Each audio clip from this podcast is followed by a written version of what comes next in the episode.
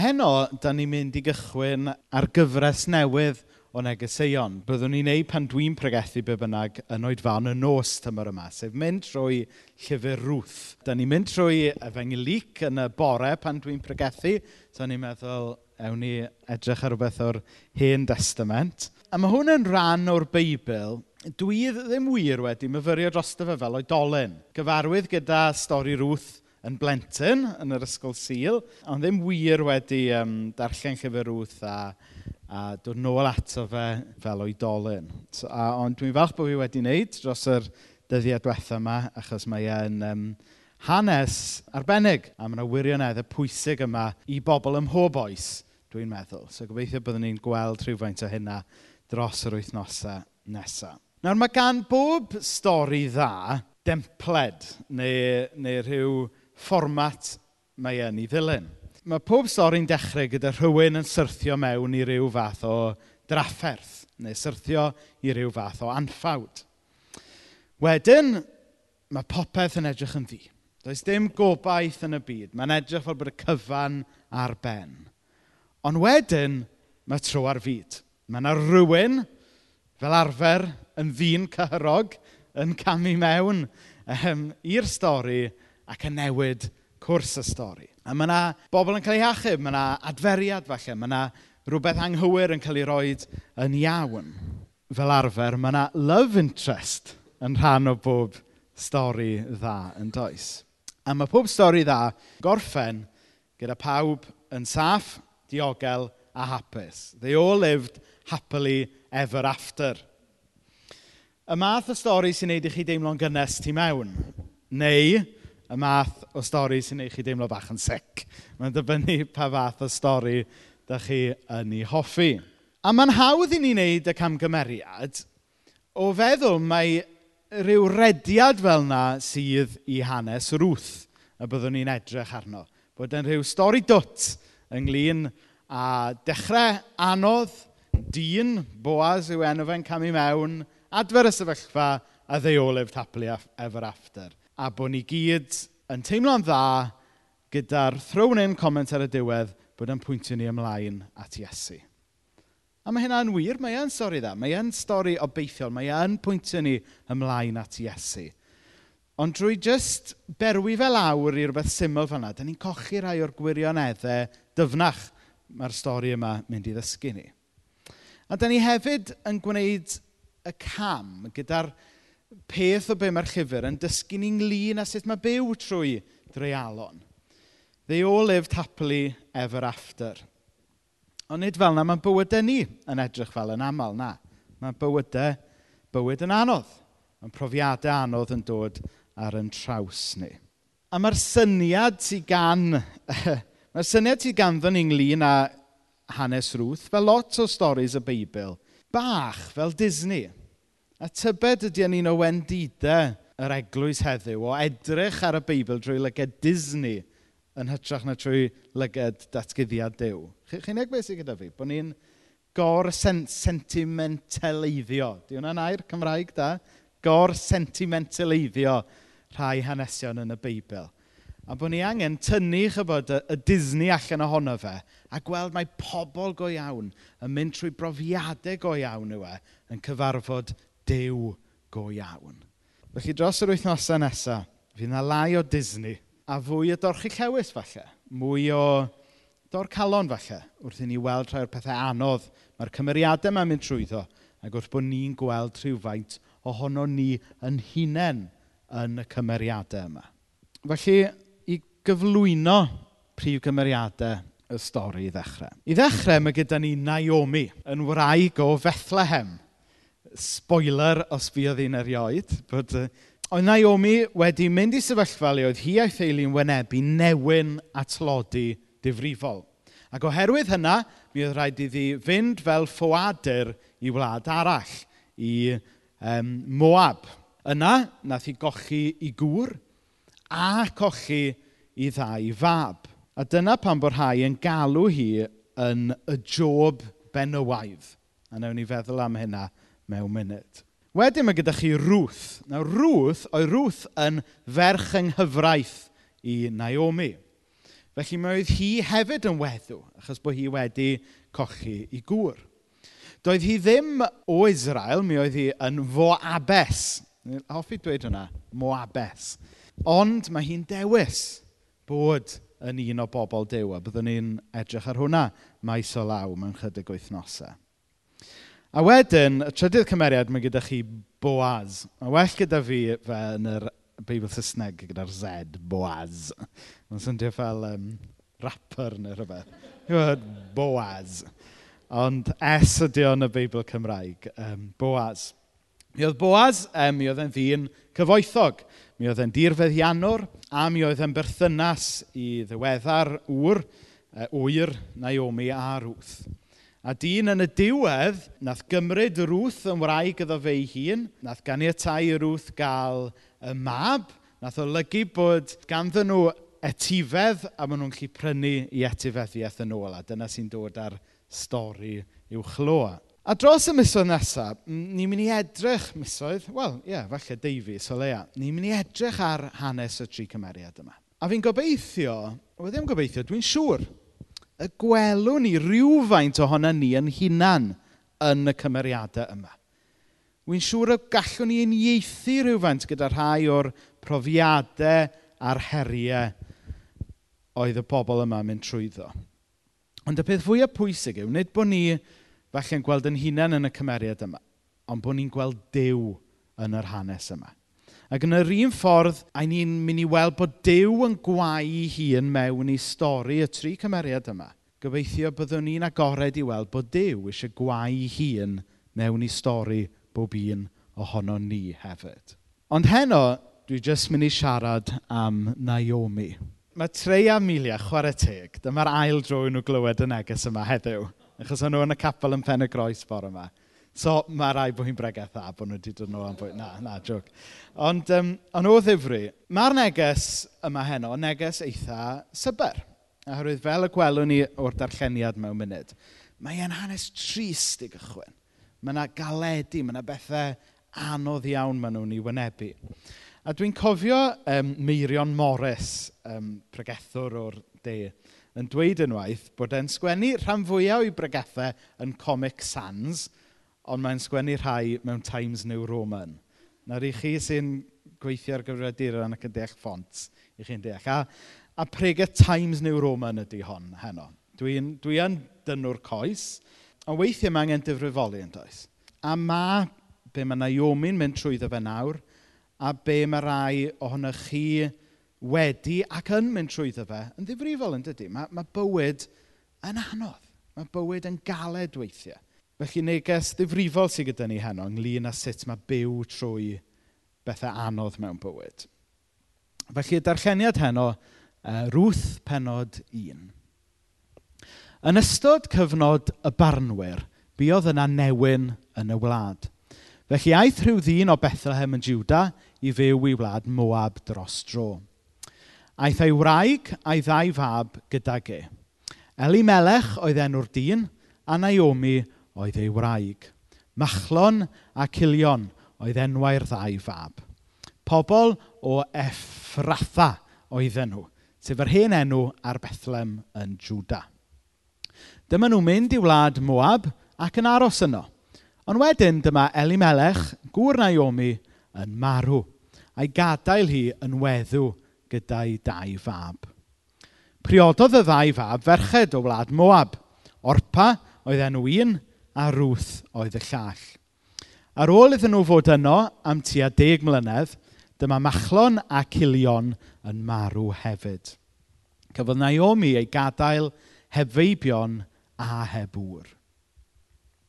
Tra oedd hi'n dal yn byw yn Moab, clywodd Naomi fod Dyw wedi rhoi bwyd i'w bobl. Felly dyma hi a'i dwy ferch yng nghyfraith yn cychwyn yn ôl o wlad Moab. Dyma nhw'n gadael ble roedden nhw wedi bod yn byw a chychwyn ar daith yn ôl i wlad Juda. Yna, dyma Naomi yn dweud wrth ei merch yng nghyfraith, Ewch chi yn ôl adre, y ddwy ohonoch chi. Ewch yn ôl at eich mamau.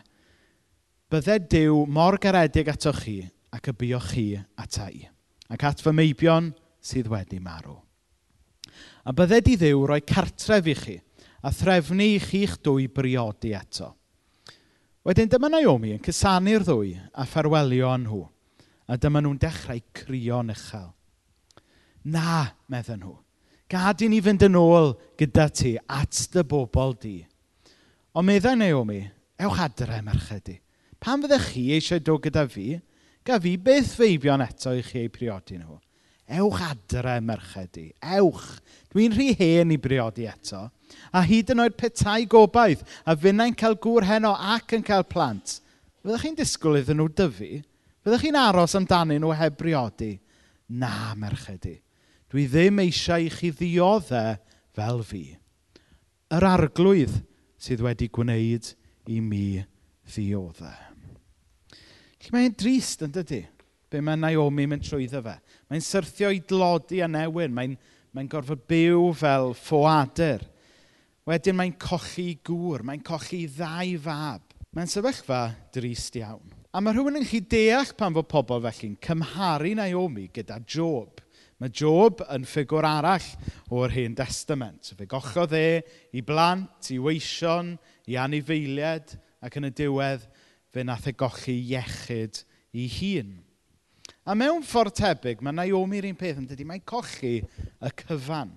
Ond mae yna un gwahaniaeth mi oedd cyfnod y Beibl, i ryw raddau yn debyg yn cyfnod ni, yn ddiwylliant patriarchaidd iawn.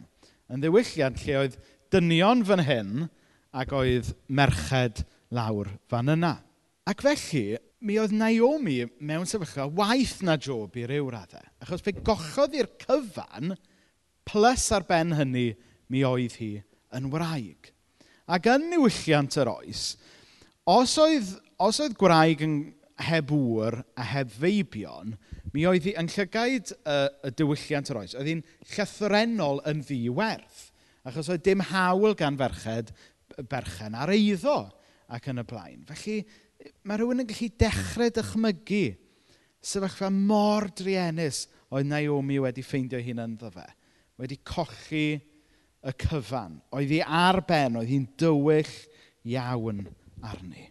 Ac felly, mae rhywun yn gallu deall yn dydy, yn ddigon hawdd, pam i bod hi wedi mynd i deimlo yn hunan dosturiol. Pam bod hi wedi mynd i deimlo'n isel. Pam bod hi wedi mynd i roi bai ar bawb a phopeth gan gynnwys rhoi bai ar ddiw i hun. A mae ymateb hi yn ddealladwy ar lefel ddynol, yn dydy? A dwi'n siŵr bod sawl un ohono ni falle wedi ffeindio'n hunan yn yr un man. Pan mae yna rhywbeth anodd yn digwydd. Pan i chi yn cochi rhywun. Pan mae salwch yn taro. Pan mae popeth yn ymddangos fel bod e'n eich erbyn chi. Falle bod chi wedi cwestiynu cariad Dyw. Falle bod chi wedi gofyn le wyt ti ddew neu o leia pam fi ddew. Mae rhywun yn gallu deall ymateb Naomi. Dyma di ymateb greddfol llawer un ohono ni pan mae pethau anodd yn dod. Ac felly mae hanes Naomi yn arbennig y datganiad yma ganddi yn neud i ni ofyn cwestiynau mawr yn dydy ynglyn a dioddefaint. Achos da ni fel Cresnogion, da ni'n credu fod Dyw yn ddiw da yn ddiw cariad, yn, yn, yn ddiw daioni. A Da ni'n credu fod Dyw yn rheoli popeth. Ond wedyn, da ni'n gofyn, wel, pam bod yna ddioddefaint? Da? Pam bod yna bethau anodd yn digwydd yn y byd? Pam bod yna bethau anodd yn digwydd yn yn bywyd ni? Mae yna densiwn fan hyn, yn does?